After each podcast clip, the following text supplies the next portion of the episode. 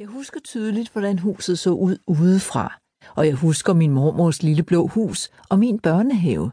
Især en enkelt dag, hvor jeg stak af hjemmefra for at tage over i børnehaven og viste mine skoldkopper. Jeg står der og hiver op i blusen for at vise dem min mave, og jeg får skæld ud og bliver sendt hjem. Flux.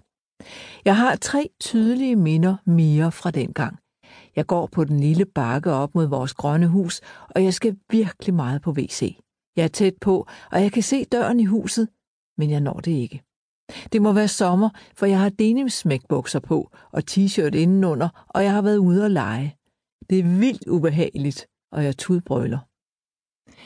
En anden gang leger jeg med mine to fætre, Kasper og Nuga Thomas. Vi er inde på badeværelset, og jeg har fået den idé at klippe Nuga Thomas' hår. Mens jeg står der og klipper, står vores møder pludselig i døråbningen. Heldigvis griner de. Et tredje og meget klart minde er fætter Kasper og mig på hundeslæde. Vi er små, men store nok til at tage en lille tur på en børneslæde med en hund spændt for. Der er helt sikkert blevet holdt godt øje med os, men jeg husker det, som om vi var helt alene og tog langt ud i landet, helt ud til dumpen. Vi flyttede til Nuuk, da jeg var omkring tre år. Mine forældre skulle skilles, og jeg husker intet. Heldigvis, tænker jeg.